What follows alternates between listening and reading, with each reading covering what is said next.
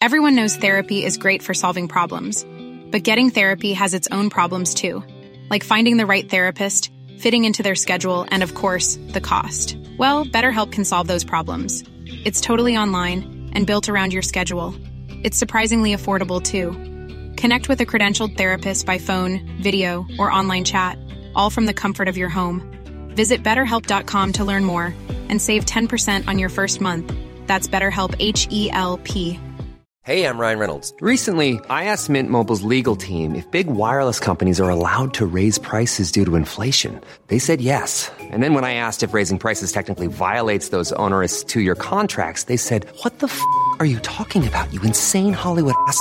F- So to recap, we're cutting the price of Mint Unlimited from $30 a month to just $15 a month. Give it a try at mintmobile.com slash switch. $45 upfront for three months plus taxes and fees. Promo rate for new customers for limited time. Unlimited more than 40 gigabytes per month. Slows. Full terms at mintmobile.com. Burrow is a furniture company known for timeless design and thoughtful construction and free shipping, and that extends to their outdoor collection. Their outdoor furniture is built to withstand the elements, featuring rust-proof stainless steel hardware, weather-ready teak, and quick-dry foam cushions. For Memorial Day, get 15% off your Burrow purchase at burrow.com slash ACAST and up to 25% off outdoor. That's up to 25% off outdoor furniture at burrow.com slash ACAST.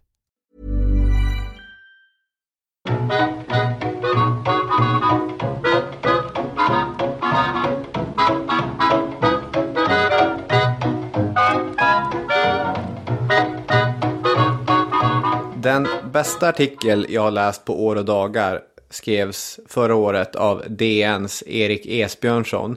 Och det handlar om afrikanska ledares hattmode. För artikeln börjar med frågan varför har Burundis president helt plötsligt börjat rocka cowboyhatt? Och sen går den igenom en efter en alla de klassiska afrikanska hattarna. Han missar förstås inte, citat, störst av dem alla, strikt modemässigt talat, vad säger dess ledare, den allsmäktige Mobutu Sese Seko, som styrde Kongo under mer än tre decennier. Alltid klanderfritt klädd. Mobutus leopardmönstrade manliga pillerburksmössa, den var i lag paxad för honom. Det var ingen annan som fick gå omkring med en sån leopardmönstrad mössa. Du lyssnar på vårt andra avsnitt om Kongo. Året är 1960. I vårt förra avsnitt lärde vi känna Patrice Lumumba, den drivna och skickliga politikern som tillsammans med ett antal andra kongoleser stått i fronten för den senkomna frigörelsen från Belgien. Första avsnittet kan beskrivas som inte bara Lumumbas utan faktiskt hela Kongos uppgång. Vilket en lyssnare med lite känsla för dramaturgi förstår innebär att det här avsnittet kommer att följa inte bara Lumumbas utan hela Kongos fall. Och på så vis även pegga upp för Mobutu och hans jävla mössa. Åter till Kongo. Ni är varmt välkomna.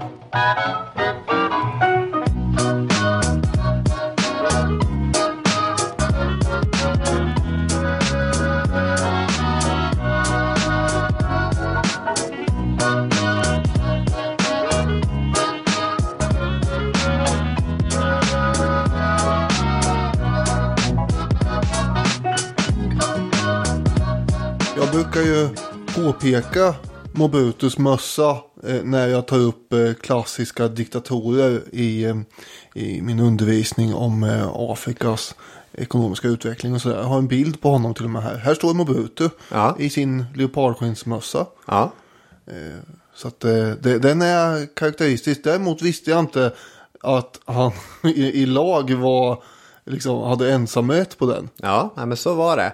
Den där artikeln som jag pratar om, den är faktiskt helt underbar. Eh, den går igenom vilka ledare som har baseballcaps, vilka som klär sig i mer traditionell eh, mössa från eh, afrikansk folklig kultur. Eller Burundis president med cowboyhatten då. Det var därför att eh, många av hans väljare började tycka att urbaniseringen var så obehaglig. Och då ville han signalera, jag är en man av jordbruk, kofösare, Jaha. cowboyhatt. Militärbasken såklart. Ja, Också en klassisk afrikansk ledaremössa. jo ja. Nu är det här inte ett möss och modeprogram så, utan vi ska prata om lite annat också. Mm, det ska vi göra. Det säger sig självt, det här är del två av ett dubbelavsnitt om Kongo 1960 och början av 1961. Ni kommer antagligen få mer ut av det här avsnittet om ni lyssnar på första delen först. Det är tips. Men det är ditt liv. Låt ingen jäkla poddare säga åt dig hur du ska bete dig. Nej, vill du nu lyssna på det här och liksom kastas in i riktig dramatik och eh, mycket elände eh, så är det det här avsnittet du ska avhandla. Den 30 juni, självständighetsdagen, hade den nyvalda premiärministern Patrice Lumumba i ett mycket omtalat tal bland annat sagt följande. Såväl inåt som utåt kommer det nya Kongo, vår älskade republik som min regering ska skapa, att vara ett rikt, fritt och blomstrande land. Och för att uppnå det här hade han kommit med flera uppmaningar. Jag ber er alla att glömma stamstriderna som gör att vi blir utmattade och riskerar omvärldens förakt. Jag ber den parlamentariska minoriteten att hjälpa min regering med konstruktiv opposition och strikt hålla sig inom lagens och demokratins råmärken. Jag ber er alla att inte rygga tillbaka för något offer för att ge oss framgång i vårt storslagna företag. Slutligen ber jag att utan undantag respektera alla medborgares liv och välgång, liksom de utlänningar som bor i vårt land. Om dessa utlänningars beteende lämnar övrigt att önska är vårt rättsväsende redo att utvisa dem från republikens gränser. Om de däremot beter sig väl blir de lämnade i fred, för även de arbetar för vårt lands välstånd. Ska vi komma med en spoiler? Hur blir det med Lumumbas vision? Ja, den blir inte riktigt så som han hade hoppats. Det går inte. Blir det ett rikt, fritt och blomstrande land? Nej. Det blir inte det. De första fem åren av Kongos existens brukar ibland kallas för den första republiken. Och av dessa fem år kommer vi egentligen bara prata om den första fasen, det knappa halvåret som är Patrice Lumumbas kongolesiska epok. Och i denna episod kommer de fyra politiker som vi i olika grad berörde under förra avsnittet att spela olika huvudroller. De är maktpretendenter som skulle passa i valfri strömmande dramaserie alldeles oavsett om den utspelar sig i Washington eller Westeros eller vart ni nu vill sätta den. Varför inte sätta den i Centralafrika? Patrice Lumumba känner ni, premiärminister i den nya regeringen, 35 år gammal, Kongos mest profilerade politiker. Men som vi sa så är Kongo nästan en kontinent i sig och det är framförallt östra Kongo i storstaden Stanleyville som Lumumbas stronghold ligger. Sen har vi Josef Kasavubu, president och statschef i nya landet, åldersman med sina 45 år fyllda. Han hade också en storstad, Leopoldville, samt ett stort stöd i Kongo central. Eh, Kongo central ligger inte centralt i Kongo, utan det är den mest västliga provinsen av alla och den enda som har en liten kuststräcka. Mm. Sen har vi Moise Tshombe som bara hade fått bli generalguvernör i sitt Katanga.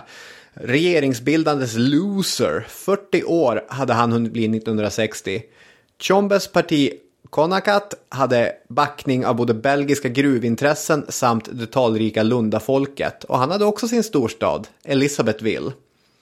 De här tre hade ju varit valrörelsens största och mest profilerade politiker. De var etablerade stjärnor i den unga kongolesiska demokratin. Det var inte 29-åriga Mobutu Sese Seko, Lumumbas privatsekreterare. En man utan storstad, utan något eget parti.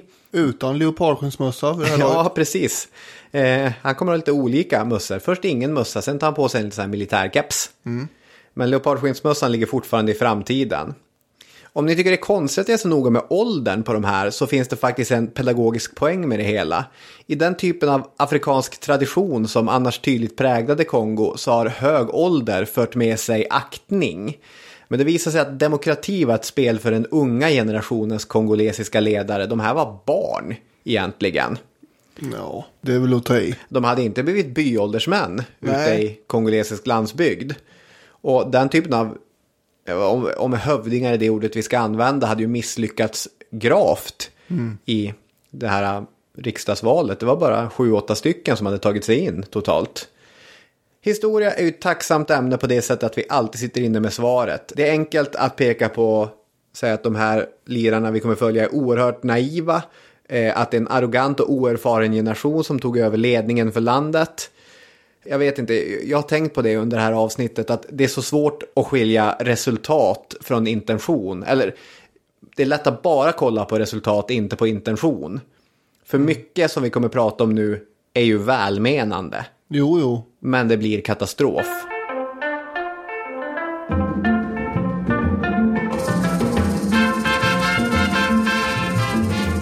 Vi kan ju börja med att prata om eh, situationen i eh, Kongo angående administration och sådär. När landet blir självständigt.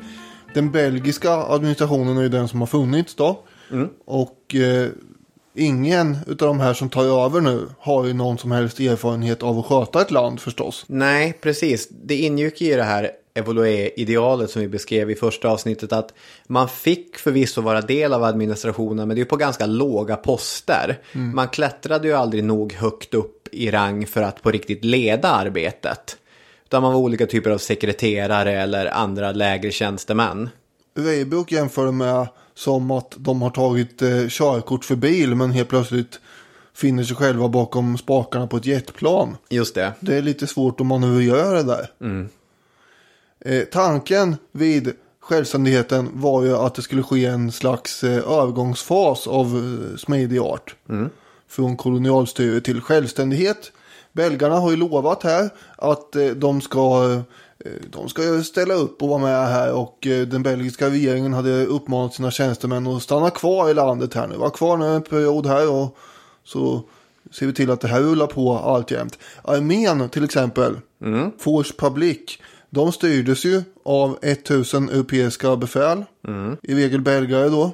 Armén var ungefär 25 000 eh, man stark, kongolesiska soldater då. Just det. Överbefälhavaren för de här, det var ju general Jansens. Som vi nämnde i förbifarten i förra avsnittet. Det är en belgisk officer.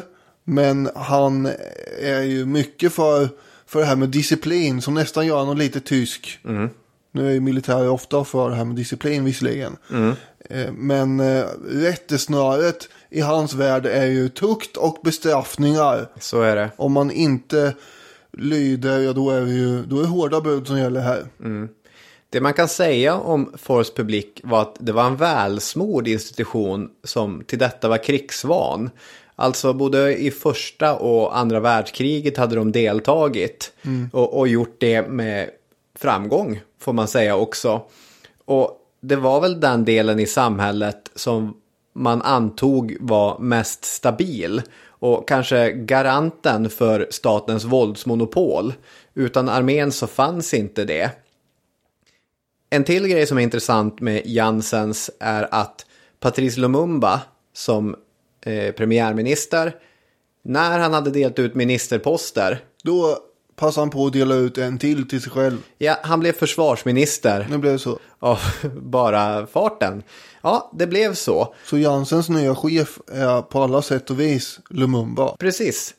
Eh, och det man ska säga om Jansens och Lumumba var att de drog inte riktigt jämnt. Eller de hade olika syn på saker och ting. I efterhand ska det sägas så ombads Jansens att beskriva Lumumba. Och det är det här, ja det är ett citat som alltid återkommer när man läser om den här epoken av Kongo. Då skriver han moralisk personlighet, ingen. Intellektuell personlighet, mycket ytlig. Fysisk personlighet, med sina nerver påminner han mer om ett kattdjur än en människa. Ja, Jansens är inget fan av Lumumba. nej, det kan man ju slå fast. Måndagen efter den här långhelgen av firande för självständigheten. Just det, vad är vi på då? 4 juli. Ja, och då brukar det ju förekomma fyrverkerier i andra länder och så. Men nu hade det, ja då tänker jag på USA. Men eh, nu hade man skjutit iväg fyrverkerierna dagarna innan här. Så är det. och firat och haft sig. Nu är det måndag morgon och nu är det dags att gå till jobbet igen. Och då visar det sig att soldater i Force Public vid en förläggning har helt enkelt börjat vägra att lyda order. Men vad falskt, tänker Jansens. Och så åker han dit och tänker sig att nu ska han straffa de här. Och det gör han också. Och ger dem eh, en eh, rejäl skopa ovett och sen degraderar han de här soldaterna som inte har lydit. Nu är väl problemet kväst. det är inte, det här är, till, det här är tvärtom ganska kontraproduktivt visar det sig. För nästa dag så är det 500 soldater som protesterar mot eh, den här situationen. Och vad är det för situation de protesterar mot då? Tänker du? Jo, de vill ha bättre betalt. Det är fler som har velat, både nu och då. Men eh, det var en grej. Ja. De tyckte inte att de fick eh, tillräckligt med pengar för att överhuvudtaget kunna leva. De ville ha bättre villkor i allmänhet. Eh, De levde väldigt trångt och de fick för lite mat och sen var de emot den här diskrimineringen som de eh, utsattes för av sina vita befäl som de tyckte. Den skulle genast upphöra och sådär. De belgiska officerarna de levde i fina villor och hade hög levnadsstandard och mycket prestige och så. Och soldaterna här nu de ville, de ville ju få möjlighet att klättra i graderna i armén. Just det. Vi blev ju självständiga förra veckan för tusan. Nu måste vi kunna få, få bli något annat än bara soldater. Kongolesiska tjänstemän och politiker fanns ju. De kunde ju klättra och de kunde också tjäna en massa pengar och ha det bra. Varför skulle inte det gälla oss i armén? Vi har en kongolesisk president, en kongolesisk premiärminister. Ja, saken är ju dock att det krävs högre utbildning för de här högre befälsposterna. Och det fanns kongoleser som höll på att utbilda sig vid militärhögskolan i Bryssel. Just det, de hade fått påbörja någon sorts treårig officer- officersutbildning. Just det, de skulle spottas ut därifrån om några år. Ja, det här är också lite sent påbörjat från belgarna. Ja, hade de gjort det här lite tidigare så hade ju de varit klara. De här eh, kongolesiska befälen då, men det är de ju inte nu. Nej. Eh, Och soldaterna här, de vill inte vänta. De anser att de, de har ju firat den här självständigheten och de borde då få bättre förhållanden direkt. Själva här, omgående. Det finns ju ibland tankar om att de skulle då ha uppviglats kanske av Lumumbas tal också bland annat. Det har ju funnits anklagelser om. Just det, det kan man hitta i, i vissa texter om det här perioden. talet som vi berörde förra avsnittet. Men soldaterna är ju lika ilskna på kongolesiska politiska ledare som på vita officerare. Den 5 juli 1960 så sprider sig det här myteriet i förläggningen som eh, ligger två timmar ungefär bilmässigt ifrån Leopoldville. Och Reibrook han skriver så här. Hundratals militärer revolterade. De misshandlade sina officerare och tvingade dem och deras fruar och barn att söka skydd i mässbyggnaden. Under tiden ockuperade de också ammunitionsdepån. Utanför förläggningen, längs vägen till huvudstaden, uppstod allvarliga kravaller i trakterna av Madimba Inkisi. Här var det inte vita officerare som militärerna gav sig på, utan vita medborgare. Ett antal europeiska kvinnor utsattes för sexuellt våld. En av dem blev inom loppet av fem timmar våldtagen 16 gånger. Allt medan hennes man, mor och barn var närvarande. Det håller på att spåra helt och hållet som du säger. Och Jansens, han känner nu att jag måste gå till, eh, till mig själv, till mitt innersta, till den jag är. Och han lyckas med en fingertoppskänsla som får både den belgiska kungen och premiärminister Lumumbas tal en knapp vecka tidigare att framstå som lysande exempel på försiktighet. Samlar de upproriska soldaterna, läser lusen av dem och tar fram en svart tavla där han skriver Före självständigheten är lika med efter självständigheten. Ingenting är förändrat. Ingenting har förändrats. Han är en person som inte fattar att halva grejen med en kolonial frigörelse är att du liksom byter tänkande. Emancipate yourself from mental slavery. Du, du tänker på ett annat sätt, du kräver någonting annat. Men vad han, Det spårar. vad han menar och tänker kanske är att armén har ju varit en, eh, en pelare i Kongo före självständigheten. Och armén kommer fortsätta att vara en pelare eh, av eh, viktighet även efter självständigheten. Business as usual. Ja, det är det han tänker ja. Ja, och hade man utbildat de här så, eh, liksom, eh, officerarna i tid så att man hade kunnat byta ut eh, ar- arméns eh, högerbefäl efterhand. Då hade ju kunnat, det hade varit helt annorlunda då. Ja, så är det. Men nu är det inte så. Nej. Och när Jansens inte kan lösa det här problemet då känner försvarsminister Lumumba sig tvungen att gripa in. Och då åker han ju ut till den här förläggningen och hans, eh, vad ska man säga, schackdrag eh, för att lösa det här, eller Alexanderhugg för att lösa detta, det är ju att helt enkelt eh, Istället för att jobba på Jansens metod att degradera folk så befordrar han ju alla en hel grad. Då får de hoppa upp ett snäpp i skalan. Men, men det värsta är att de är inte nöjda för det. De vill ha de högre officersposterna. De vill ju kunna bli överste och major och sånt där. Inte bara sergeant. Utan nej, vi vill ha mer, säger de. Och då blir eh, Lumumbas nästa drag att avskeda Janssens. Bort med honom. Och sen gör man en hastig afrikanisering av toppskiktet i eh, armén. Och vilka som styr armén. Och så sätter han då sin privatsekreterare. Josef Desiré Mobutu. Som stabschef. Ja, det gör han. Eh, och han hade ju inte mycket till militär utbildning. Lika mycket som ekonomisk utbildning när de skickade honom och förhandla om ekonomiska saker. Nej, han var journalist. Just det, men det verkar vara någon slags eh, allt i allo-yrke eh, under den här tiden. Då kan man göra lite allt möjligt. Precis. Som överbefälhavare så hittar han förvisso Viktor Lundula som hade varit av underofficersrang, sjukvårdssergeant. Sannolikt ett av de mer drastiska exemplen på militär befordran som går att hitta. Från underofficer till överbefälhavare.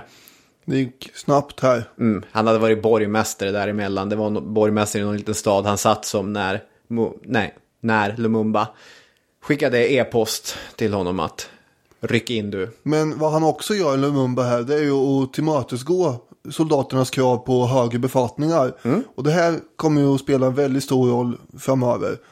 Det här förstör ju allting egentligen. Men vad, vad han går med på är alltså att de ska få välja själva. eh, Föreslå kandidater till högre befäl. Och ja, jag vet inte. Ja, det är ju inte något lyckat drag egentligen här. För de har ingen utbildning för de positioner som de kommer att hamna på. Vanliga soldater blir ju alltså utan militär utbildning överstar och majorer och så vidare. Mm. Weibruck skriver så här. De här besluten lugnade i viss mån den upprörda stämningen bland soldaterna.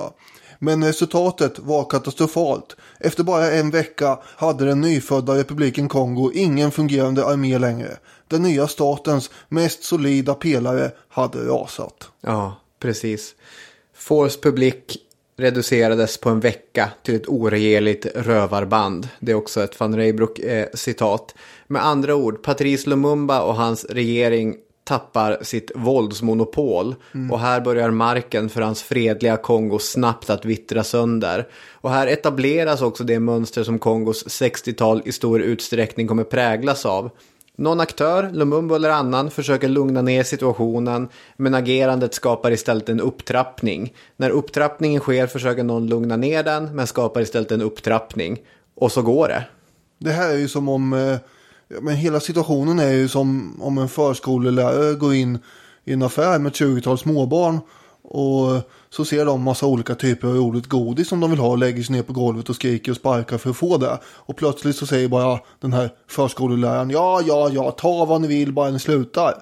Och i slutändan så betalar man knappt ens för godiset. Nej. För strukturen har ju fallit här. Sen är frågan, det är svårt att tänka sig hur, vad hade varit lösningen för att militären skulle fortsätta fungera? Ja, jag vet inte. Nej. Vad jag vet är att man borde ha utbildat folk tidigare. Ja, Man kanske skulle ha vägrat att befordra dem. Alltså man, man kanske skulle ha gått på Janssens linje. Jag vet inte. Håll ut, vänta ett par år. ja. Det var som vi var inne på i det förra avsnittet att eh, avkoloniseringen kommer för sent men när den sker så går den för snabbt. Det finns ju en eh, underofficersutbildning i Kongo också. Och är man intresserad av att avancera så får man kanske söka sig till den då. Det här är ju lätt för mig att sitta och säga liksom 60 år senare. Ja, men så kan det vara.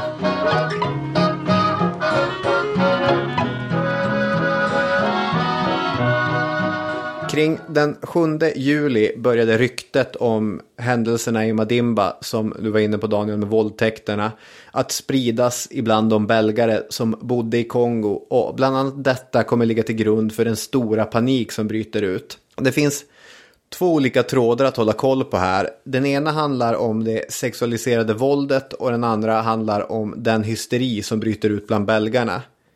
I början av juli 1960 så förekom som sagt ett antal fruktansvärda händelser, inte minst den berättelse du drog om den kvinna som våldtogs eh, upprepade gånger.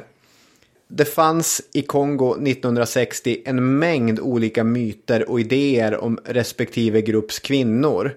Den vita kvinnan som den ouppnåeliga, hon var missionär eller så var hon gift. Hon var alltså någonting som var bortom den eh, vanliga kongolesens, eh, vad ska man säga, räckvidd. Nunna kunde vara med. Men det fanns också idéer från belgarna om den kongolesiska kvinnans sexualitet. En ganska traditionell kolonial idé om sexualiteten som ett av de tydligaste tecknen på civilisation. Afrikanerna var mer slavar till sin kroppsliga lusta än vad eh, de vita kvinnorna var. Och en av missionärernas viktigaste uppgifter blev således att lära afrikanerna att täcka sina kroppar ordentligt. Och man såg de här i européernas ögon ociviliserade kläderna som ett tecken på att det här är en lägre moraliskt stående grupp. Det här är ju relevant än idag, det är liksom sexualiserade våldet eftersom konflikten i, i Demokratiska republiken Kongo i så stor utsträckning har präglats av just sexualiserat våld som ett Ja. krigsmedel. Ja, det, är ju, det här är ju synnerligen närvarande och påtagligt fortfarande i Kongo. Ja, precis. Om inte ännu mer. Ja, nej, ännu mer. Oh ja. Det har ju blivit ett verktyg för att skapa politisk kaos. Jag var inne och läste om det här i veckan och det finns studier som har gjorts på det här äh, där man har intervjuat äh, soldater som har varit verksamma i kriget i Kongo då. Där man liksom, man skiljer till och med på våldtäkter. Den ena våldtäkten som är, som de ser är sexuellt driven och den andra som är en våldtäkt som bara görs som bestraffning eller som krigsmedel.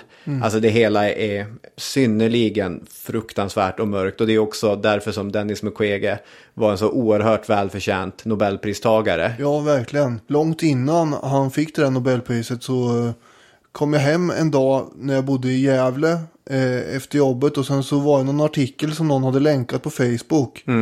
Det var ju många år sedan det här. Men hur, du vet hur det kan vara när man kommer hem efter jobbet och är trött och bara ja, oj, oj, så måste man ställa sig och skala potatis och det är grejer som ska rättas och sådär.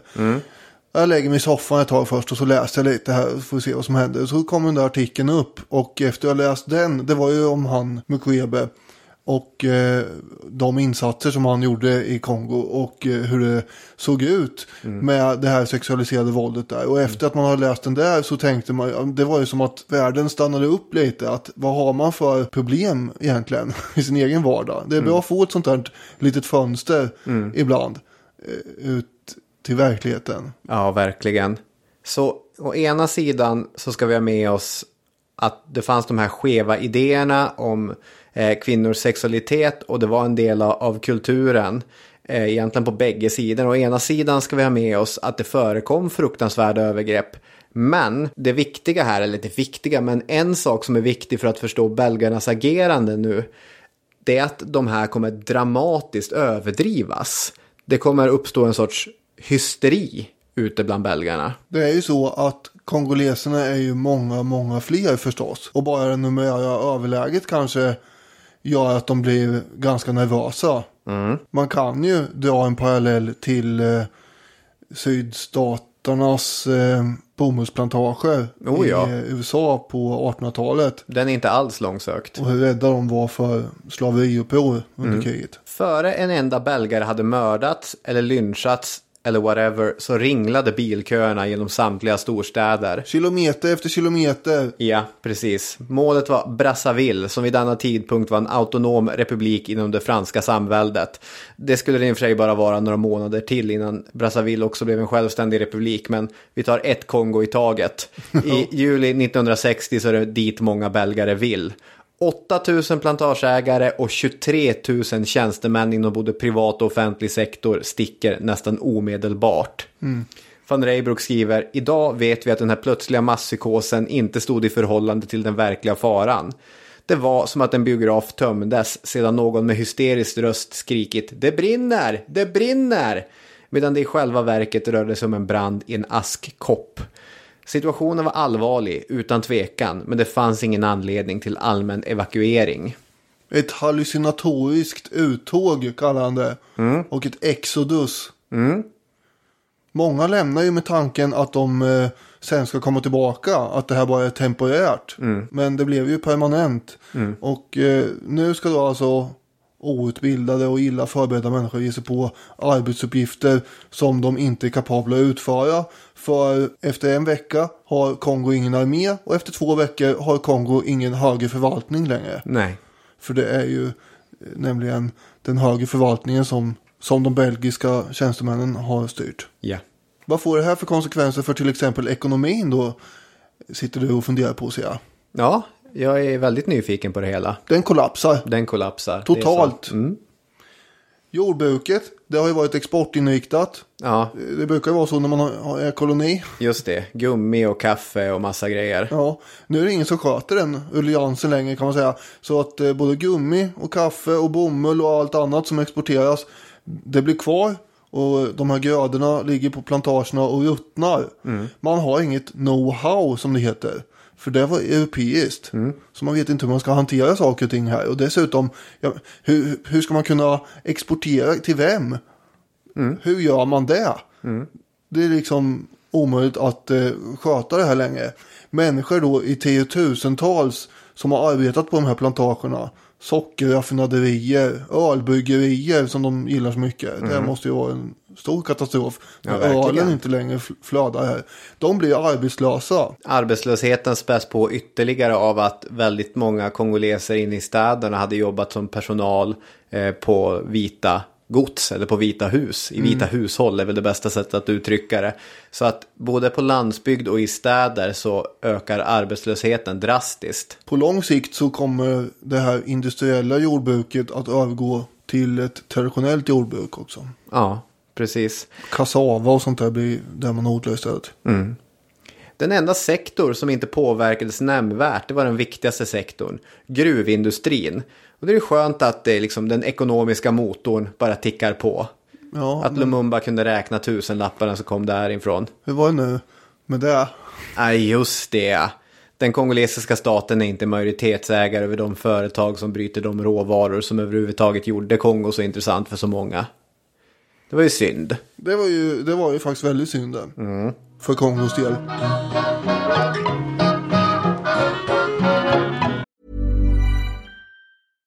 Ready to pop the question? The jewelers at BlueNile.com have got sparkle down to a science with beautiful lab grown diamonds worthy of your most brilliant moments. Their lab grown diamonds are independently graded and guaranteed identical to natural diamonds, and they're ready to ship to your door. Go to BlueNile.com and use promo code LISTEN to get $50 off your purchase of $500 or more. That's code LISTEN at BlueNile.com for $50 off. BlueNile.com code LISTEN.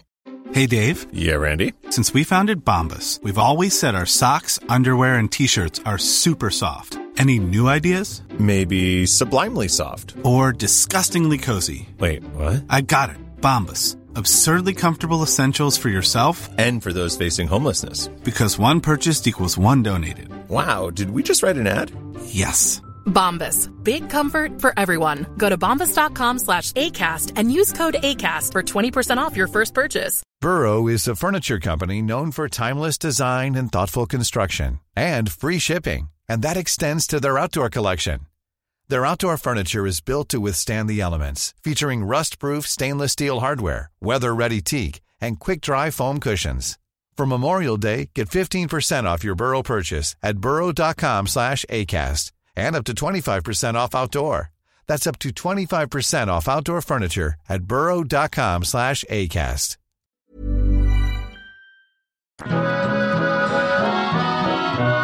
Den 9 juli, då har vi de första dödsoffren. Det är fem stycken, eh, bland annat. Eh, inkluderas där en italiensk konsul. Och eh, nu har vi, har vi lik här också. Just det, det här är Elizabethville i Katanga. i södra Kongo. Och det här gör att den belgiske försvarsministern ingriper med order om att landsätta fallskärmsjägare i Elisabethville i den södra provinsen här, Katanga. Får man skjuta in nu, alltså det är alltså en vecka och två dagar mellan det att Belgien högtidligt drar sig tillbaka och att Belgien militärt intervenerar. Ja, det är inte så lång tid kan tyckas. Nej, Eh, motiveringen här är ju förstås att belgiska liv är i fara, vilket man för all del kan argumentera för. Eh, enligt ett fördrag som har funnits då också mellan Belgien och Kongo så skulle ju den belgiska armén ingripa till hjälp för Kongo om den kongolesiska regeringen önskade. Mm. Nu är det bara att Lumumba som är premiärminister, han har inte alls bett om något ingripande. nej det har den inte. Och snart framstår det som att eh, belgarna ockuperar södra delarna av landet helt enkelt. Ja, det får man ju säga. Alltså, van Reybrouck han hittar sin inre spartan och kommenterar lakoniskt beslutet genom att säga det var ett i alla avseenden olyckligt beslut. Så utan att förstå vad man egentligen håller på med så har Belgien för första gången på 120 år genomfört en offensiv på ett annat lands territorium. Ja. Och det finns också en sorts bedrövlig ironi i att vid runda bordsamtalet gick man med på vad som helst för att inte få ett kolonialkrig på sina axlar eller på liksom, sitt samvete. ja, vad har man nu då? Man har ett kolonialkrig. På sina axlar och samvete. Ja. Att de släpper ner fallskärmsjägare får jag sticka in. Det, det är ju förstås mycket strategi i det och taktik och militära eh, aspekter och sådär. Men det är också så att många eh, soldater hade fallskärmsjägaruniform i Kongo överhuvudtaget. Mm. Kapuscinski skrev ju om det där att han var ju förvånad över att det fanns så himla mycket fallskärmsjägare Ja, det är en sak han går och nystar i. Varför Ja, finns det så det? fruktansvärt många fallskärmsjägare? Och då visade det sig att kongoleserna, de är rädda för allting som kommer från luften eller från himlen. Det måste ju vara något extra läskigt och farligt med. Så de här uniformerna är förknippade med, ja, det är någon som har ramlat ner från himlen här. Då måste man tilldela den lite extra respekt och, och fruktan. De här belgiska trupperna, det man kan peka på för att eh, säga att det här handlar inte bara om att skydda belgiska medborgare, att man ganska snabbt börjar avväpna kongolesiska trupper som inte deltog i det här eh, arméupproret. Och det är också intressant att poängtera att det sker just i gruvindustrins Katanga. Den 11 juli, det vill säga några dagar senare, vi är fortfarande, det har inte gått två veckor än här. Nej. Då utropar sig också Katanga självständigt. Samma dag har belgiska örlogsfartyg för övrigt eh, beskjutit hamnstaden Matadi. Eh, och de har ju inte så många hamnstäder. Eh, Ja, det är den. Ja, det är den. Och eh, här kan man inte gömma sig bakom att det handlar om att försvara belgiska liv längre. När man ligger där och eh, hamrar på med stora krigsfartyg. Nej, den liksom förklaringen håller ju till viss grad. När liksom britterna placerar sina kanonbåtar utanför den kinesiska kusten kan vi inte säga att det här handlar om att skydda brittiska liv. Nej, Det handlar om något annat. det handlar om något annat. Eh, och som sagt, den här dagen så dels är det de här beskjutningarna mot Matadi men längre in i landet i Katanga så har då den här eh, politikern Moise Tshombe utropat Katanga till ett självständigt land. Och Belgiens regering var inte alls beredda på det här egentligen. Men väljer förstås att stödja Tshombe ändå. Det är trots allt i Katanga allt gott i gott gott finns i form av diamanter, kobolt och allt möjligt fint metall och mineraler som man vill ha. Ja, det här är ganska intressant för när nyheten når premiärminister Lumumba och president Kasavubu att Katanga utropar sig självständigt, då tänker ju de såklart att det är belgarna som ligger bakom det. Att nu är Tshombe deras nickedocka. Men det är ju inte riktigt så det fungerar, utan det är Tshombe som, han ser en, alltså han är ju missnöjd med Ja, hur precis. den politiska situationen har blivit för honom. Han ville ju, han ville ju bli en viktig minister i den nya regeringen i Kongo, men det blev han ju inte. Nej. Och vad gör man då? Det, hur ska man jämföra det här? Är det som om, vad heter han? Eh, någon som utropar något område i Sverige självständigt som inte har fått, det är svårt att dra den här parallellen kanske. Ja, det är de här detaljerna i ditt exempel som gör den så övertyg, övertygande.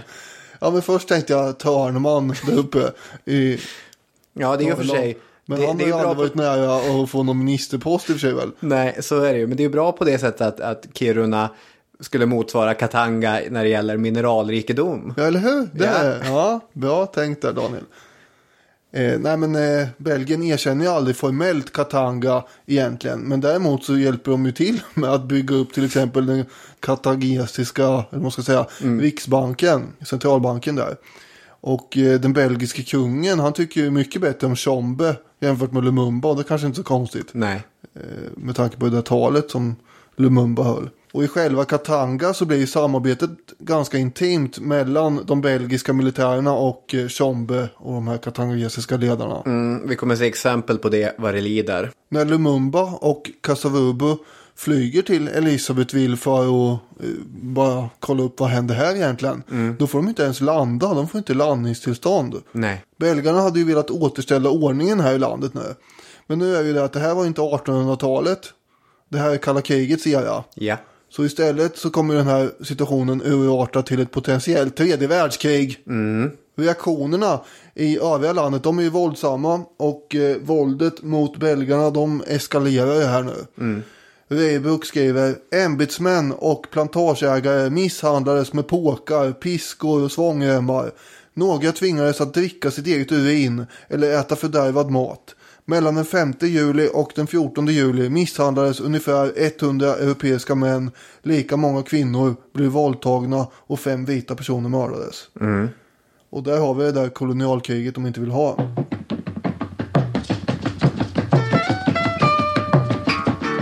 Det finns i och för sig andra aktörer än kongoleser och belgare såklart.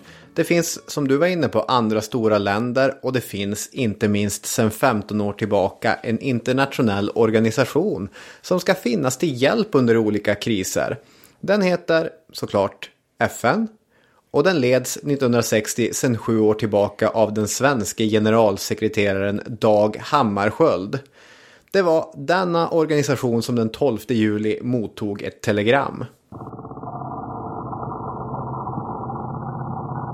Ja, och det är ju då Lumumba och Kasavubu som har suttit och snickat ihop på ett smått desperat vis. Och det här telegrammet innehåller bland annat att Kongo, citat, anklagar belgiska regeringen för att i detalj ha förberett Katangas utbrytning för att behålla greppet om vårt land. Stopp. Regeringen, stödd av det kongolesiska folket, vägrar att ställas inför ett fullbordat faktum som härleder sig ur en sammansvärjning mellan belgiska imperialister och en liten grupp katangesiska ledare. Stopp. Betonar extrem brådska och insisterar på att FN utan dröjsmål skickar trupper till Kongo. Vi får ju komma ihåg att Lumumba lite grann själv har bidragit till förfallet här eh, i Kongos egna armé.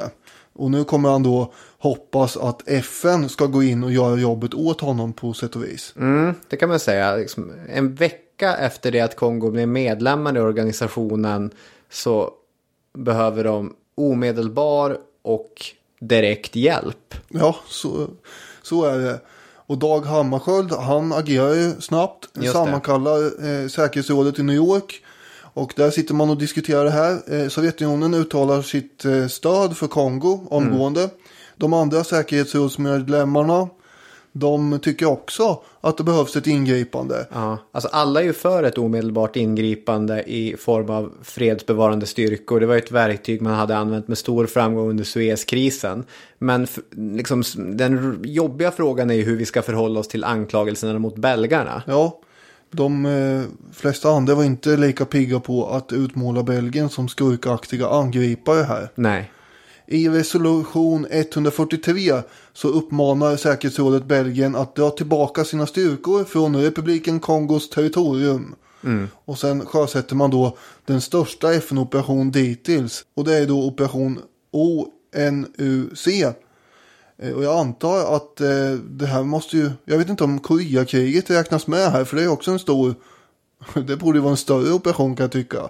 Men det är Weibuck som eh, påstår att det här är den största FN-operationen dittills. Ja, precis. Det beror väl lite grann på hur man räknar Koreakriget. Koreakriget också. Visst, men det är under FN-flagg ju. Ja, det är det. Lumumba tycker i alla fall inte att det här räcker. Han tycker att det är konstigt att Belgien inte har fördömts i den här resolutionen. Och att eh, det finns inget i resolutionen heller som handlar om att Belgien med våld ska drivas ut så fort som möjligt. Nej, precis. Nu går det undan. Den 14 juli bryter Lumumba och Kasavubu helt sina diplomatiska kontakter med Belgien. Och de skickar ett nytt telegram. Vad är det för telegram tänker ni? Ska han skicka ett, ännu hårdare telegram till Dag Hammarskjöld? Det är ett himla sms-skrivande här. Så är det. Nej, om inte FN kan ge dem den hjälp som behövs så får man gå till det land som mest helhjärtat ställt sig bakom dem i säkerhetsrådet. Det blir Sovjetunionen.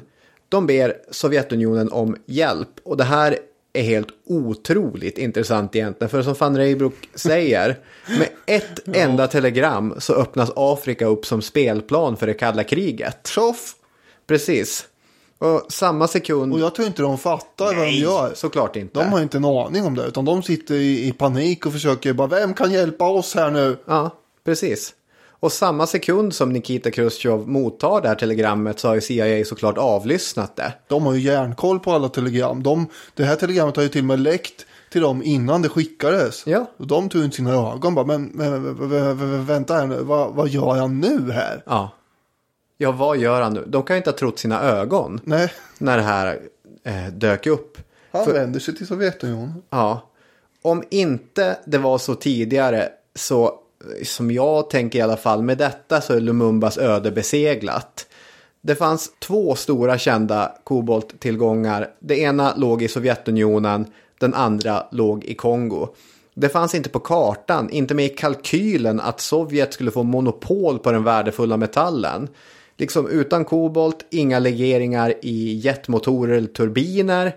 Det är en metall som precis hela världen skriker eh, liksom, av fortfarande till Ja. batterier och till grejer. Och till touchscreen-skärmar. Ja, Och vi, alltså hur många är vi inte som använder touchscreen-skärmar? Jag sitter och pillar på en just nu här. ja, Det är nästan 50% chans att det här kommer från, eh, från Kongo. ja 60, mellan 60 och 70 procent. Det värsta är att eh, det är nästan eh, aldrig markerat att det kommer från Kongo. Nej, Eftersom det är i regel små barn som håller på att gräva ut det här koboltet. Mm. Så Apple och andra, de skriver ju att eh, de har köpt det från andra länder. Ja, Som vad ibla- skönt. Som ibland inte ens har kobolttillgångar. Ja men det smugglas ju ut. ja såklart. och sen så noteras det någon annanstans. Det där är ett jätteproblem ju. Mm. För tusan. I Katanga bröts för övrigt också uran, ännu en naturtillgång med viss relevans under kalla krigets atomstinna dagar. Ja verkligen. Då landar vi i en fråga. Eh, Patrice Lumumba har skickat ett telegram till Sovjetunionen. Är det här en kommunist vi har att göra med? Det här är ju en relevant fråga. Särskilt när han ber om hjälp av en kommunist. Då skulle man kunna tänka sig att det rör sig om en kommunist. Ja, alltså jag ska villigt erkänna att eh, jag tror att när jag skrev om det här ämnet till dig så kallade jag Patrice Lumumba Afrikas Che Guevara. Gjorde du? Ja, som är någonting som jag ibland har hört, liksom, frihetskämpen, och då, då kopplar man ju det till en sorts marxism också.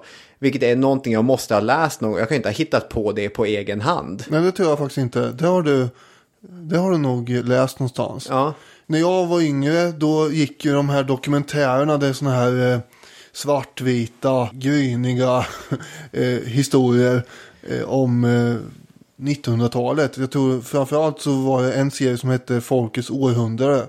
Och de gick ju på Discovery och sådär. ja.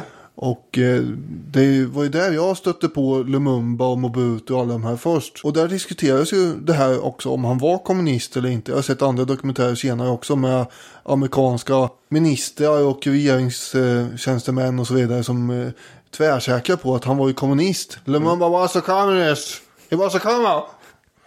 Och eh, den eh, uppfattningen hade ju amerikanerna i ganska stor utsträckning efter det här telegrammet framförallt. Och eh, det är inte så konstigt att de drar den slutsatsen. Men han var väl kanske snarare nationalist. Även om han hade vurmat för den här panafrikanismen som du sa innan i förra avsnittet. Så ville han ju bevara Kongos enhet och suveränitet. Det var ju hans viktigaste fråga. Till vilket pris som helst Ja, nästan. vilket är en orsak till att liksom Katangas brott från resten av Kongo, det, det, han kan inte acceptera det. Nej, det är helt uh, omöjligt att tänka sig. Och ha- han hade inte ens läst Marx. Mest på grund av den här censuren i Kongo. Det gjorde att det begränsade urvalet av böcker en smula. Just det, Voltaire och sånt fanns att läsa. Ja, det fanns fler böcker av Voltaire i eh, biblioteken i Stanleyville. Leo Seilig, han skriver så här i boken Lumumba, Afrikas Lost Leader. Efter självständigheten fördömdes Lumumba för att vara kommunistsympatisör, trots faktumet att han hade mycket lite kunskap om vad kommunism verkligen innebar. Hans vän och medarbetare Jean van Lierde förklarade att Lumumba har inte läst tio rader av Marx, Engels eller Lenin. Han föredrog Martin Luther King, Gandhi. Han hade ingen utbildning om kommunism. För Lumumba var begreppet klasskamp en farlig idé importerad från norr som bara kunde leda till splittring i en redan skör nationell enighet. Varför addera detta söndrande koncept, frågade han sig, när det redan finns potential för etnisk splittring i Kongo. Så eh, Så nej, han är inte kommunist. Han är dessutom mer liberal än socialist när det gäller ekonomi och sådär. Precis. Han räknar ju med utländska investeringar, inte med att kollektivisera jordbruk eller industrin eller sådär. Nej. Det finns ju ganska roliga citat bevarade från Nikita Khrushchev också. Han säger till exempel, jag skulle kunna säga att herr Lumumba är lika mycket kommunist som jag är katolik. Men om Lumumbas ord och gärningar överlappar med kommunistiska idéer så är det verkligen inte mig emot. Nej, precis. Sen ska man ju komma ihåg här att det är inte bara han som skriver det här telegrammet till Sovjet utan det är också eh, presidenten Kasavubu. Just det, som blir en av USAs skyddslingar vad det lider. Ja, eh, så han råkar inte illa ut för det här. Han Det är... har inte suttit farbröder i gryniga dokumentärer och Kasavubu was a communist. Nej, det har han inte gjort. Angående de här telegrammen till FN och Sovjetunionen Ja. så resonerar Weibuck då att när man läser dem i efterhand så inser man att de inte ens bottnar i Lumumbas personlighet egentligen. Nej. Han är ombytlig, nyckfull och lättretlig. Eh, och eh, inte ens det har så mycket med saken att göra då säger han. Utan det är en annan faktor, nämligen citat. Panik. Ja. Panik blandad med skummande vrede, rädsla över att förlora kontrollen och rädsla för att bli mördad. Ja. Och det kan man ju förstå, det här är ju, det har som sagt inte gått två veckor och allt håller på att falla ihop som ett korthus runt omkring en. Precis, och de här ledarna som Lumumba och Kasavubu och Chombe och Mutumbo. Ingen av dem hade någon större erfarenhet. Alltså, jag tror Kasavubu hade varit borgmästare för delar av Leopoldville under det belgiska kolonialstyret. Det här var första politiska ämbetet de flesta av dem hade. Och då var de de mest erfarna i hela den politiska hierarkin. Ja, ja, de gör ju så som det verkar vara lämpligast att göra just nu. Och i det här läget för tillfället, inte sitter de och funderar på att det här kan innebära ett eh, kärnvapenkrig om man drar det till sin spets. Nej, verkligen inte. Eftersom det kan eh, dra in två supermakter som redan är väldigt i löven på varandra. Ja. Redan den 15 juli så svarar Sovjetunionen att i det fall Belgien och dess allierade vidmakthöll sina imperialistiska aggressioner skulle de citat vidta resoluta åtgärder för att avsluta aggressionen. Eller citat Sovjetunionens krav är enkelt. Bort med tassarna från republiken Kongo. En republik som i Sovjets ögon var skapat tack vare, citat, det kongolesiska folkets heroiska kamp för självständighet och republikens integritet. Och sådana var de, Sovjetunionen. De skulle aldrig under 50 och 60-tal göra annat än helhjärtat stödja ett land som kämpade för autonomi Aldrig. mot en mycket mäktigare motpart. Nej, det var ju deras grej. Mm. Det kan man lyssna om. Jag tänkte säga det, på, ta- på tal om någonting helt annat som absolut inte har någon koppling så har vi gjort ett avsnitt om situationen i Ungern 1956. Ja, det har vi. Som inte har med det här att göra. Nej.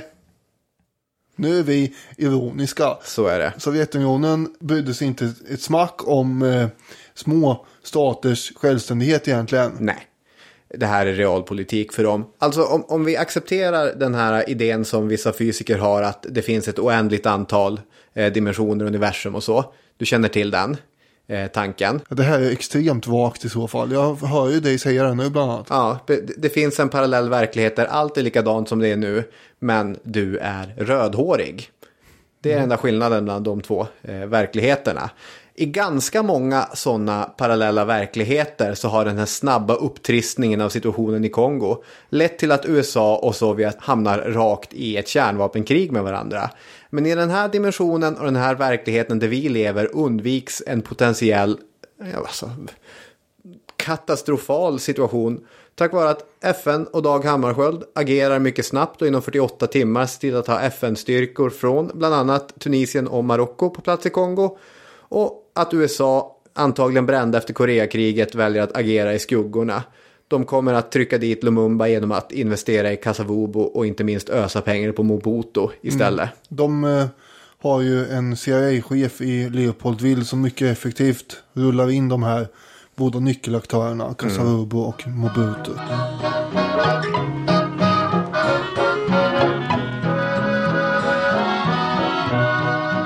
I slutet på juli då har Lumumba i all hast bestämt sig för att han och regeringen ska åka till USA. Hast är nyckelordet i den meningen. Ja, för eh, han har ju då vänt sig till höger och vänster bokstavligt talat eh, om, med önskemål om hjälp. Bland annat det här telegrammet till Sovjetunionen. Eh, och eh, det har ju då redan amerikanerna sett. Det vet inte han om förstås när han Nej. åker dit ungefär 14 dagar senare. Eh, vanligtvis så brukar statsbesök omfattas av eh, ganska omsorgsfulla förberedelser. Det är tjänstemän och diplomater från de här båda länderna det handlar om som ska sitta i många och långa möten och prata igenom protokoll och planering. Ska ni åka till det här eh, monumentet? Ska ni äta det där till förrätt? Ska vi lyssna på den här musiken och, och så vidare? Vilket hotell? Studiebesök på den Ford-fabriken. Ja, mycket sånt. Här är det mer att Lumumba får ett infall, skickar en anställd till USAs ambassad i Leopoldville. Hej, vi vill ha 24 visum till premiärministern och hans gäng ungefär. Vi tänkte åka över nu i dagarna.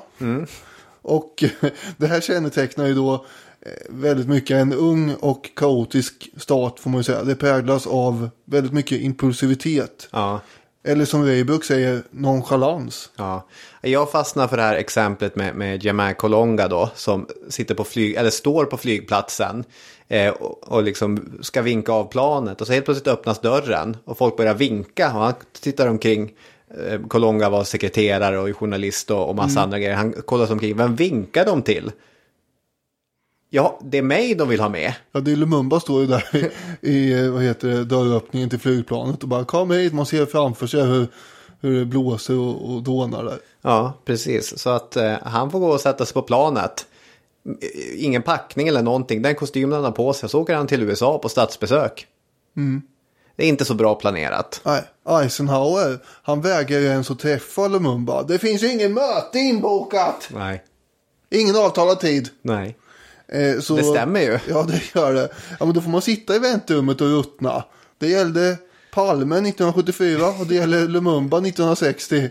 Har man inga möten då, då är det som det är. Det, det är någon logik i det här. Men framförallt så beror det väl på att de har läst det här telegrammet också. Ja. Där de vet att han har vänt sig till Sovjet. FN-tjänstemän de vetar sig också de på att han citat ställde omöjliga krav och väntade sig omedelbara resultat.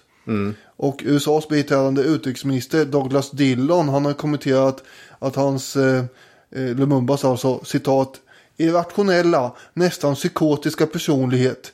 Han såg en aldrig i ögonen. Han tittade upp i luften och sedan följde ett enormt ordflöde. Hans ord hade aldrig något samband med det vi ville tala om. Man fick en känsla av att han som person ägde en besatthet som jag bara kan beskriva som messiansk. Han var helt enkelt inte rationell. Och Det här går en sån ju- person kunde inte de jobba med tyckte de. Nej, men det här går ju också hand i hand med den tidigare framförda förklaringen att det här är en person som har panik. Ja, jo, visserligen. Jag tror inte att det här är Patrice Lumumba i sitt esse. Nej, det är ju inte. Han är ju uppskruvad eh, till max som Duracell-kanin här för att rädda det som räddas kan. Ja. Och eh, däribland sitt eget liv.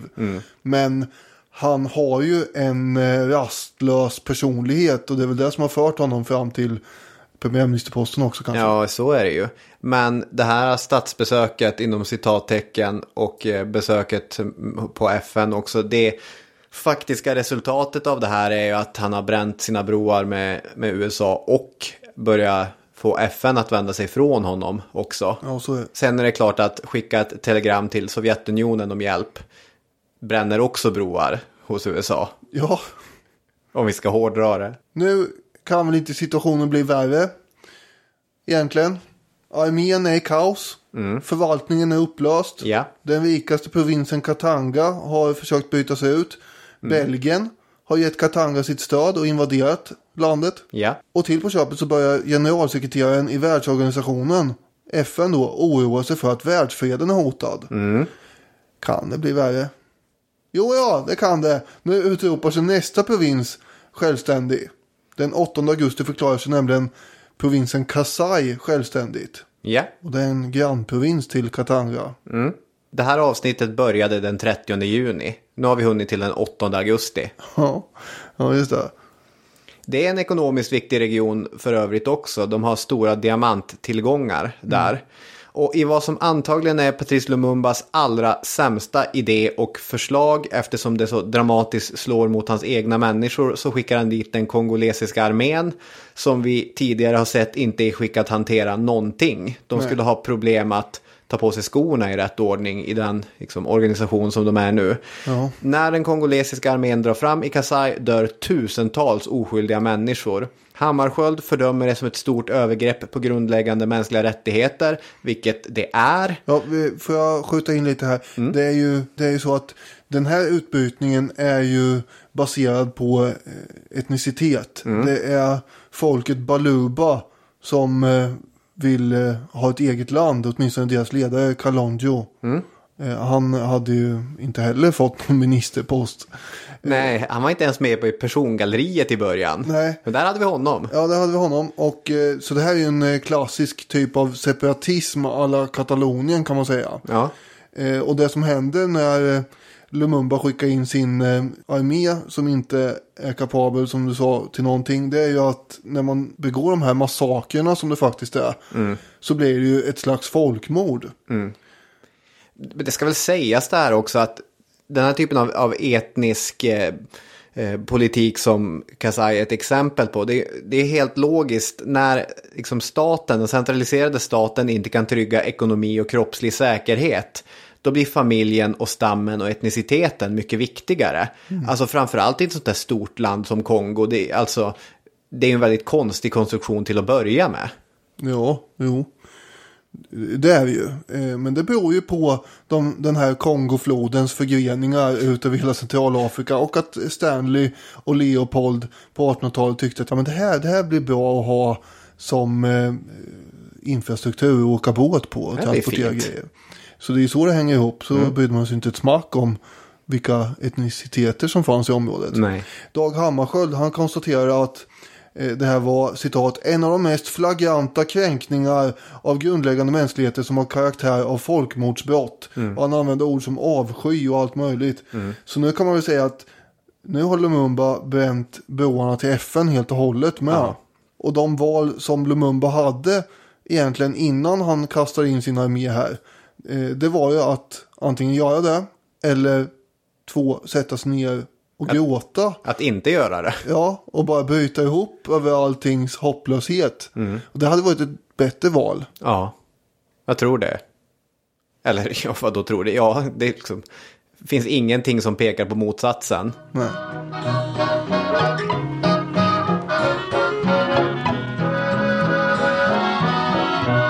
Den 5 september 1960 så äger en av de allra märkligaste episoderna rum. För nu har det slutligen skurit sig mellan presidenten Kasavubu och premiärministern. Klockan åtta på kvällen går en sändning ut i radion då, där alla människor som vad ska man säga, vetgiriga människor sitter och lyssnar på en lektion i engelska. Så bryts den här lektionen för att Kasavubu med myndig stämma berättat att han låtit avsätta Patrice Lumumba som premiärminister och istället ersatt honom med, med eh, Josef Ileo. Ja, okej. Jaha, säger alla som sitter och lyssnar. Det här är ju stora nyheter. Ja, det är. Vi får bara också påpeka att det är inte totalt 100% i täckning på radioapparater i Kongo här. Nej, så är det. Men de som hade en radioapparat, de eh, reagerade ju såklart. Ja. Nu händer det grejer. Och så får vi anta att man flockades kring radion och försökte höja så att alla skulle höra. Kanske man hyschade jazzbandet inne på, på baren. Så, nu pågår det grejer. Vi, vi låter radion stå på. Nu är det lite engelsk lektion men snart kanske vi får mer info. Jo då, en dryg timme senare så kommer ny info. Då går en ny kommuniké ut. Den här gången är det Patrice Lumumbas oefterhärmliga sätt att snacka som hördes. Och han berättar att det är han som har avsatt Kasavubu och ingenting Men, annat. men vänta här nu, vem är det som avsätter vem? Tänker nog många. Ja, det är ingen som vet det vid det här laget. Eh, Van Reybrouck skriver som om Kongo inte hade nog med en militär, administrativ, ekonomisk, etnisk och global kris. Så fick den nu också en konstitutionell kris på halsen. Ja, det kan ju, det kan ju pigga upp. Ja, Jag, jag eh, lyssnar ju faktiskt ibland på gamla eh, avsnitt som vi har gjort sådär för att se För de håller fortfarande. Ja. Och eh, inför den här vändan så lyssnar jag då särskilt på Zimbabwe eftersom det rör ett annat afrikanskt land då. Och eh, deras frigörelse. Och där höll jag på med någon slags eh, anrättning av en eh, maträtt. Hur man då, eller någonting, jag hade en metafor där jag jämförde hur man förstörde ett land med ett recept. Och så skulle man krydda med en massa inflation och en massa eh, gå in och riva ner eh, plåtskjul i städer och grejer. Det var liksom Robert Mugabes eh, karaktäristiska sätt att skjuta sitt land i Så- foten ja, och magen. Här får man säga att det finns en hel, en hel rad olika ingredienser som eh, hjälper till att eh, förstöra det här landet.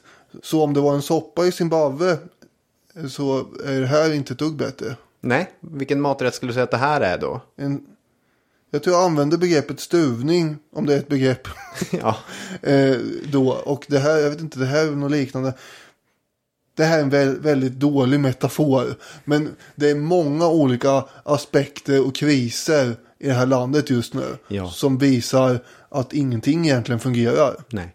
Nej, alltså om man tar en halv sekund och bara tänker på det här så det är så fruktansvärt trasigt och hemskt och bedrövligt. Nu ser jag att jag har skrivit en anteckning här ändå.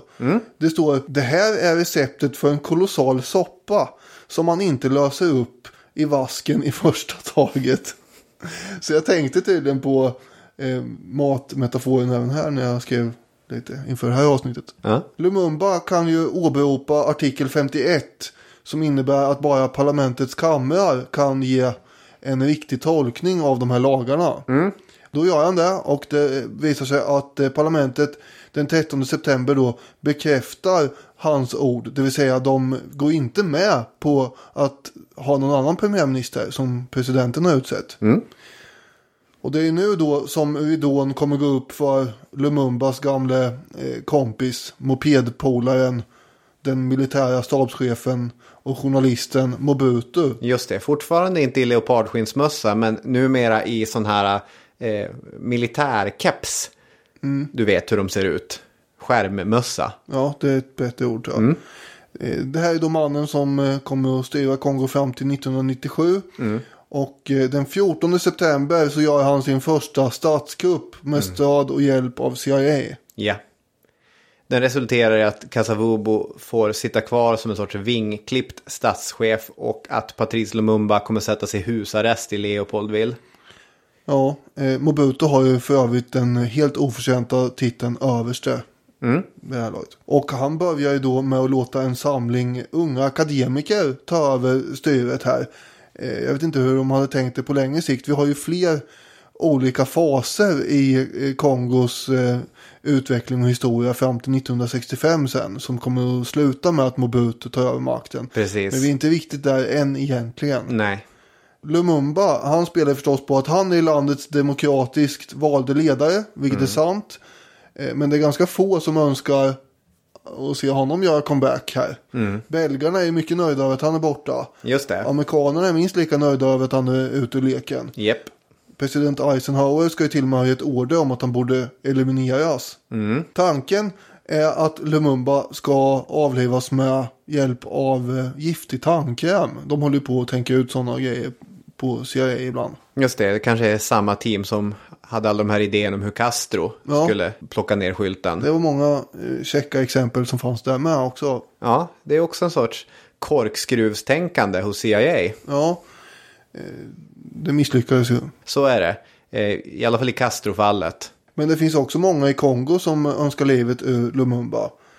Eh, Och det här gör att han ber om hjälp från FN och ber om skydd. Och de sänder faktiskt ut en trupp då från Ghana som ska bevaka hans hus som han alltså inte får lämna. Eh, Och det visar sig väldigt lämpligt att han får hjälp från FN för Mobutu eh, har ju då tänkt sig att gripa honom och skicka 200 soldater som omringar hans hus en gång till. Så att nu är det två ringar kan man säga med eh, trupper utanför kåken där. Ja.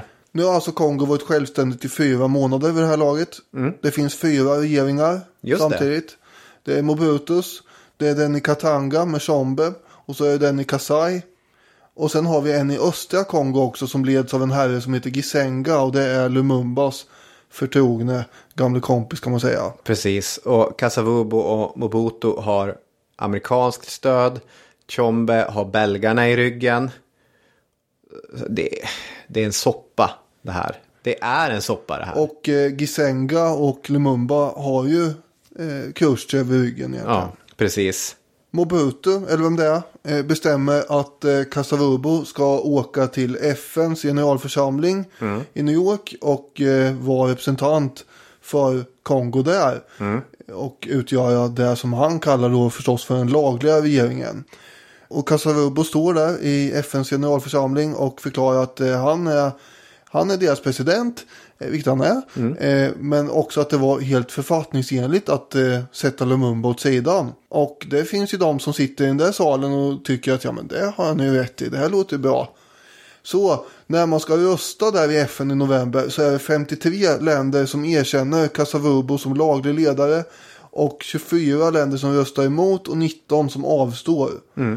Det här betyder i princip att FN har eh, ryckt undan mattan för Lumumba. Ska vi gissa att bland de 19 som avstår så kommer vi hitta Sverige på den listan? Mycket möjligt. Ja, Och bland de här 24 så har vi nog väldigt mycket Warszawapaktsländer. ja det är också en, eh, skulle jag säga, bra gissning. Lumumba inser ju här nu då att eh, de här FN-trupperna som vaktar honom, de kan ju lika gärna lämna sina poster när som helst. Eh, Eh, så då gör han ett flyktförsök där han försöker ta sig till Gisenga i Stanleyville i östra delen av landet. Så är det. Den 27 november, mitt under en regnig natt, så gömmer sig Patrice Lumumba i baksätet på den lastbil som kör iväg. Och både van Reybrouck och Seilich beskriver den här flykten som ganska illa skött. Inte minst så är det Lumumbas många improviserande tal på landsbygden varje gång som han blir igenkänd. Så kanske en politisk flykting som i all hast borde bege sig till sin trygga hemmahamn i eh, Stanleyville. Han kanske borde bara, "Ja, säg ingenting om att ni såg mig. Nu kör vi. Det är inte jag. Ja, av ditt upplägg att döma här så har jag en känsla av att det inte är så det går till. Jag heter inte Patrice Lumumba, jag heter Fabrice Malamba. Eh, jag är någon helt annan. Nej, utan istället så har han en liten förkärlek för att ställa sig där på lastbilen och agitera. Och det här är ju problematiskt för det sinkar ju ner honom oerhört. När Mobutu får reda på att eh, Lumumba har tagit till flykten så sätter han igång med spaningsflyg. Det är faktiskt ett europeiskt företag som bistår med spaningsflygen. Jag vet inte vilket företag det är. Nej, vilket jag skulle vilja veta. Men eh, han får tag i lite spaningsflyg. Och man lyckas hitta de här, då, med tiden så blir det tre stycken bilar som kör en liten konvoj. När han fångas in så slussas han till staden Mweka där för övrigt FN-soldater fanns stationerade. Men de hade inga order om att skydda honom och därför så lät de honom slussas vidare utan vidare. Han kommer flygas till Leopoldville och när han landar i Leopoldville så hände en av de mest ikoniska ögonblicken i Lumumbas liv. Det första du skrev till mig när jag berättade om vårt ämne.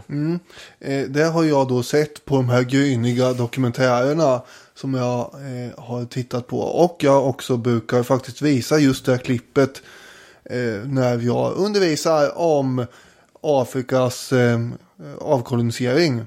För det är ju ett, eh, som du säger, ikoniskt ögonblick när någon försöker mata Lumumba med en eh, papperslapp med hans egna ord på det här talet som han höll på självständighetsdagen. De försöker trycka in det i munnen på honom. Samtidigt som man också ser eh, en eh, mycket sträng och bister Mobutu med, jag tror han har solglasögon och eh, sin då skärmmössa och sen står han med armarna i kors och ser mycket allvarlig ut. Han blir alltså inte Mobutu utan Lumumba, mannen som tvingades äta upp sina egna ord. Och inte i metaforisk mening utan i bokstavlig mening. Ja. Vilket såklart är, vilken slående bild. På tal om ord så skriver han ett sista brev till sin fru i full vetskap om att han kommer inte överleva detta. Och brevet är skrivet på ett eh, intressant sätt för det, det, det är till henne men han skriver till alla kongoleser. Där kan vi bland annat läsa Vi är inte ensamma. Afrika, Asien och fria människor från alla världens hörn kommer alltid att stå bredvid oss kongoleser. De kommer inte överge striden, inte förrän den dagen då vårt land är fritt från kolonisatörer och legosoldater. Till mina barn som jag lämnar vill jag säga att Kongos framtid är vacker, men att den kräver från dem den heliga uppgiften att bygga upp allting på nytt. Och han avslutar, Afrika kommer att skriva sin egen historia och den kommer att vara från norr till söder om Sahara en historia av ära och värdighet. Gråt inte för mig min kära. Jag vet att mitt land som lider så kommer att försvara sin frihet. Länge leve Kongo, länge leve Afrika. I januari 1961 så bestämde man eh, tillsammans med belgarnas stad då att Lumumba skulle föras till Katanga. Mm. Och Tjombe var väl inte överlycklig över det här men han tvingas ta emot honom. Ja. Eftersom han är mycket beroende av belgarna. Mm. Eh, Lumumba anländer då i flyg till Elisabethville eh, klockan 16.50 den 17 januari. Mm. Och Tjombe som är den som bossar i Katanga håller ett möte med sina ministrar. De fattar beslutet att de ska ta livet av den forne premiärministern. Mm, så är det. Och Lumumba och två av hans medarbetare kastas in i bilar som eh, i rasande fart ger sig iväg i mörkret över savannen. Efter 45 minuters färd så svänger de av huvudvägen och åker då in på en krokig avväg där på en, till en avsidesplats in i det inre av Afrika. Och när de kliver ut ur bilarna så ser man att eh, de har grävt en grund grop där. Det är några polismän och militär uniform som går omkring. Men eh, också Tjombe står ju där Mm. i sin kostym. Och även fyra belgare. Mm. Alltså, både arkebuseringen, för det är det som kommer hända nu, eh, att Patrice Lumumba och de två andra fångarna kommer skjutas helt sonika. Och både den här arkebuseringen och begravningen ska ha organiserats av belgiska officerare. Det är Tjombe och det är liksom Katanga som tar beslutet att mörda Mm. Patrice Lumumba. Men det är belgarna som omstyr eller som ansvarar för många av de praktiska detaljerna runt omkring det hela. Och från början så kastar man ner kropparna i de där ytligt grävda gravarna som du nämner. Men sen för att bli av med bevisen antar jag så är det en Gerard Suete, biträdande generalinspektör vid polisen i Katanga, som plockar upp liken och så sen har man fat med syra där man löser upp de största delarna av kroppen. Sen får man slut på syra. Man kanske inte hade hur mycket syra som helst tillgängligt. Då bränner man resten. Soete, som verkar vara en sjuk jävel, drar ut två stycken guldtänder och skär av tre stycken fingrar för att ha någon sorts minne av den här historiska händelsen som han får vara med och göra sig av med bevisen på. Så senare hemma i Belgien ska han under många år haft de här tre fingrarna och två guldtänderna i en liten ask som han under fester kunde ta fram och bara kom med, ska jag visa någonting. Det är någonting häftigt. makabert. Ja, det är fruktansvärt makabert och det leder också till den här mycket, mycket märkliga episoden med att eh, Soeten vid något tillfälle, han ledsnar på att ha det här, han vill inte ha de här grejerna hemma. Jag vet inte om det ska kunna kopplas till honom eller om han har fått dåligt samvete eller någonting. Men när han är ute på någon båtresa på Nordsjön så har han med sig asken och kastar den över relingen. Och de sista kvarvarande eh, resterna från Kongos första premiärminister sjunker till botten i, vad är det van Reybrouck skriver, i ett grått europeiskt hav. Mm. Lumumba och de andra två hade inte varit i Katanga mer än fem timmar när de blev avrättade. Vi antar att varför han flyttades dit till att börja med var att det var för farligt att ha honom i själva Kongo. Och det är Tjombe ville inte förvara honom, han ville bli av med honom. Mm. Alltså Lumumba, även en vinklippt fängslad Lumumba är en farlig aktör. Lumumba mördades av trupper från Katanga och från Belgien. De är ytterst ansvariga. Men som Seilig skriver så finns det en större ohelig allians bakom allt detta. Och läser från hans bok. Vi kan namnge några av de ansvariga. Jaha. Belgien, Storbritannien och Förenta Staterna. Den brittiska premiärministern Harold Macmillan hade kallat Lumumba för en kommunismens nickedocka och västerländska krafter hade använt hotet eh, som en sovjetisk intervention innebar för att rättfärdiga sina aktioner mot Lumumba. Så hoppar jag lite här.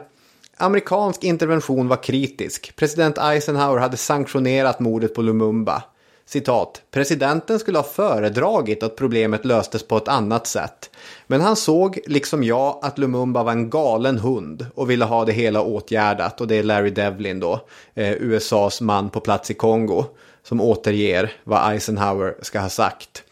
Som sagt, Belgien och Katanga är ytterst ansvariga, men det fanns ju en tyst överenskommelse från väldigt många om att Lumumba var ett problem som det skulle vara skönast att bara bli av med. Så han dog på grund av hundra orsaker, både personliga och strukturella. Han hade dragit på sig så många fiender. I FN hade han inte hittat det stöd han trodde sig ha rätt till och Sovjetunionen hade ju i slutet inte kunnat hjälpa honom heller. Nej. Men den största besvikelsen var nog ändå den panafrikanska sammanhållningen, för honom i alla fall. Redan under augusti 1960 hade han turnerat runt i andra afrikanska stater som dyrt och heligt lovat att hjälpa Kongo. Men när det skulle vara konferens som hölls i Leopoldville den 25 augusti, då dök ledarna inte ens upp. De skickade sina ambassadörer, lite plikttroget. Och idolen, Nkrumah i Ghana, han skrev till Lumumba under september, mitt under den parlamentariska krisen, att Lumumba borde vara cool as a cucumber. Lugn och fin som en gurka. Och det är liksom, det är ju fint att få ett råd av en person man ser upp till. Ja, Håll dig lugn och kall nu. Vilket han i och för sig, det är ju bra råd till Ja, ja. Lumumba. Men han hade hoppats på lite mer praktiskt stöd Mm. från Ghana. När det hade varit konferenser före självständigheten då lät det som att panafrikanism var någonting ganska radikalt, någonting som man hjälpte varandra. Nkrumah här fanns en solidaritet. Ja, precis. Nkrumah ville gå via FN, han ville gå via diplomatiska kanaler. Den retorik som man hade byggt upp kring det här, det var just mest retorik. Och det är just ghananska FN-soldater som finns på plats där när han fångas. Och de kanske tyckte att det var jättedåligt eller så, men de hade inget mandat från FN att skydda honom. Alltså skyddar de honom inte. This is Movietone, Jeffrey Sumner reporting.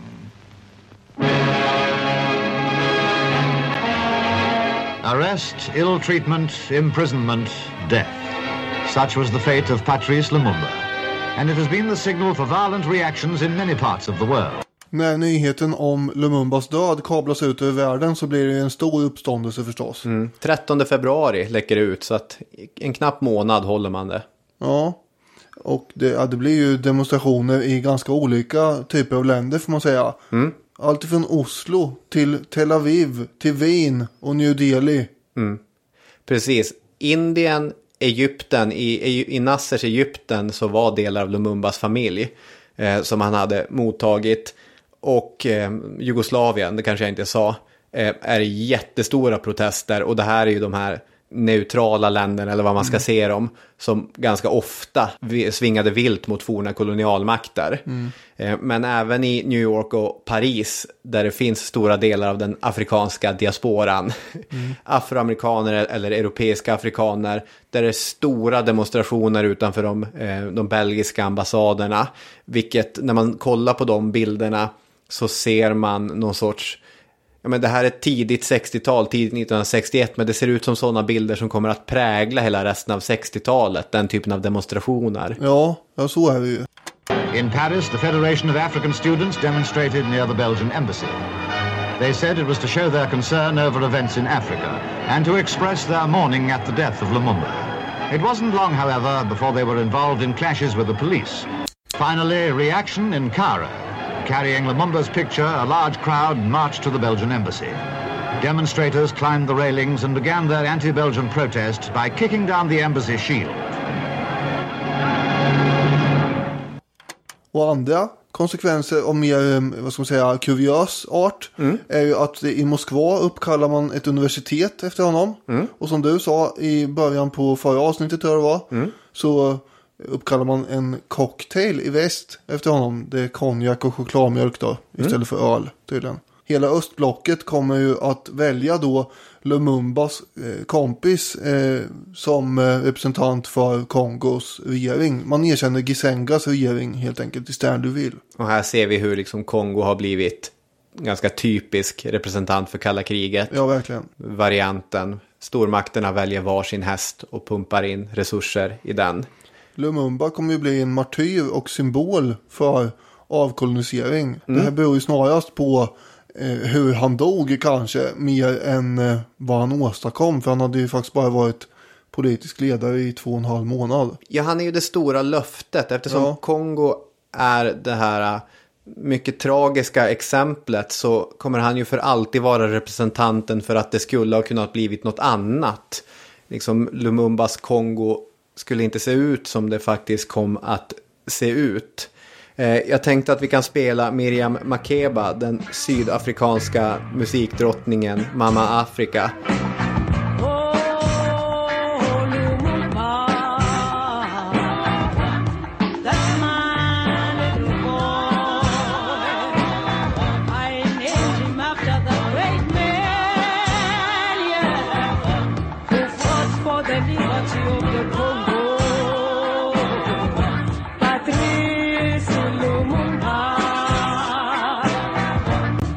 För den som inte hörde så sjunger hon Lumumba, That's my little boy.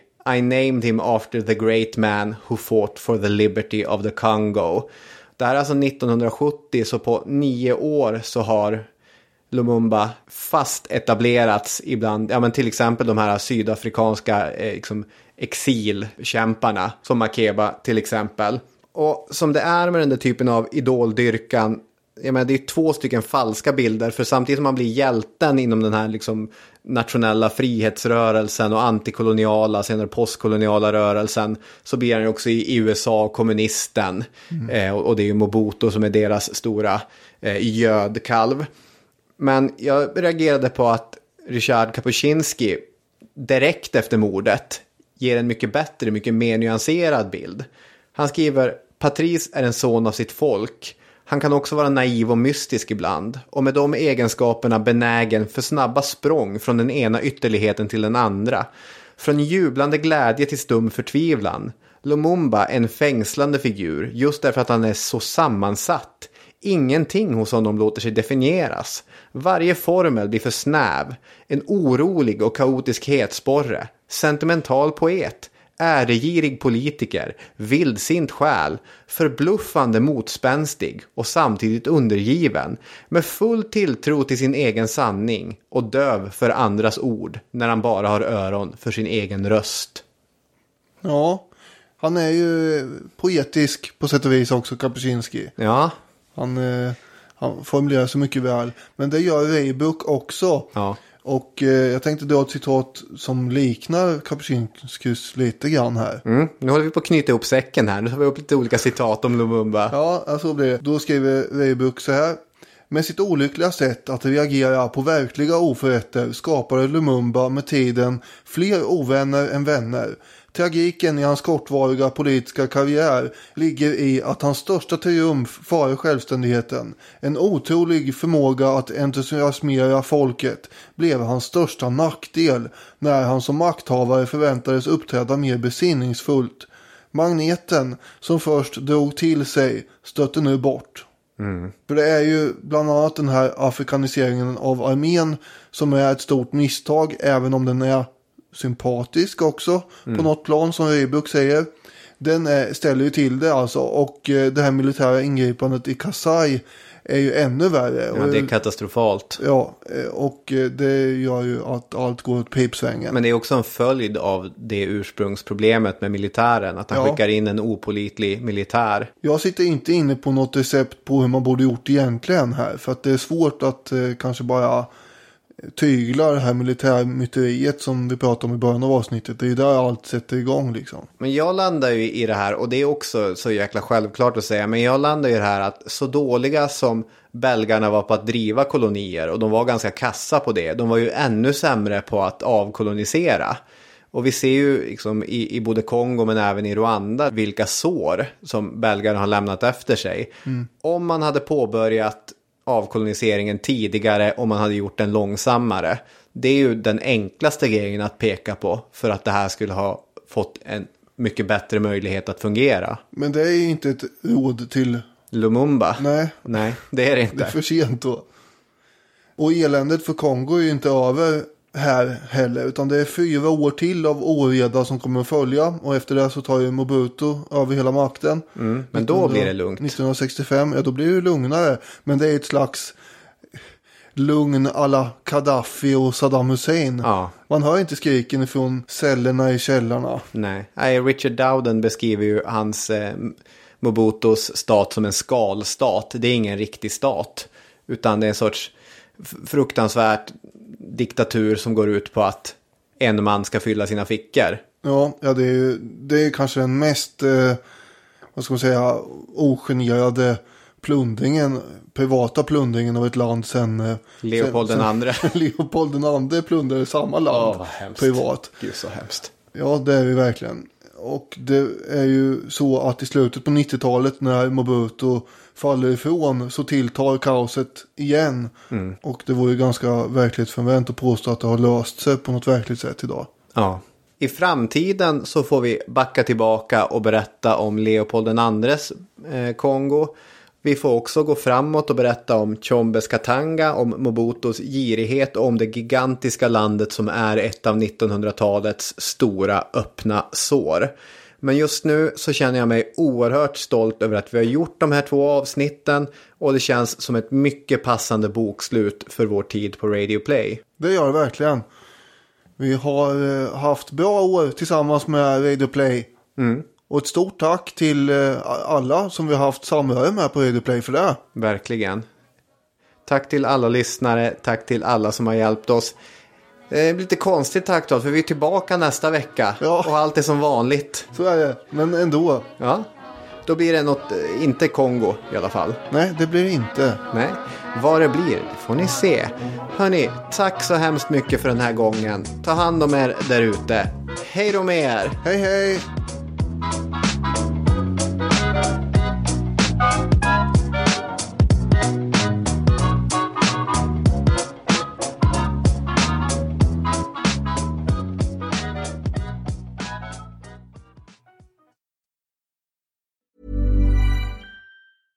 Hey, it's Paige DeSorbo from Giggly Squad. High quality fashion without the price tag. Say hello to Quince.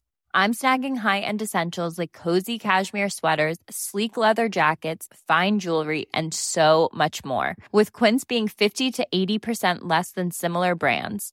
And they partner with factories that prioritize safe, ethical, and responsible manufacturing. I love that. Luxury quality within reach. Go to quince.com slash style to get free shipping and 365 day returns on your next order. Quince.com slash style.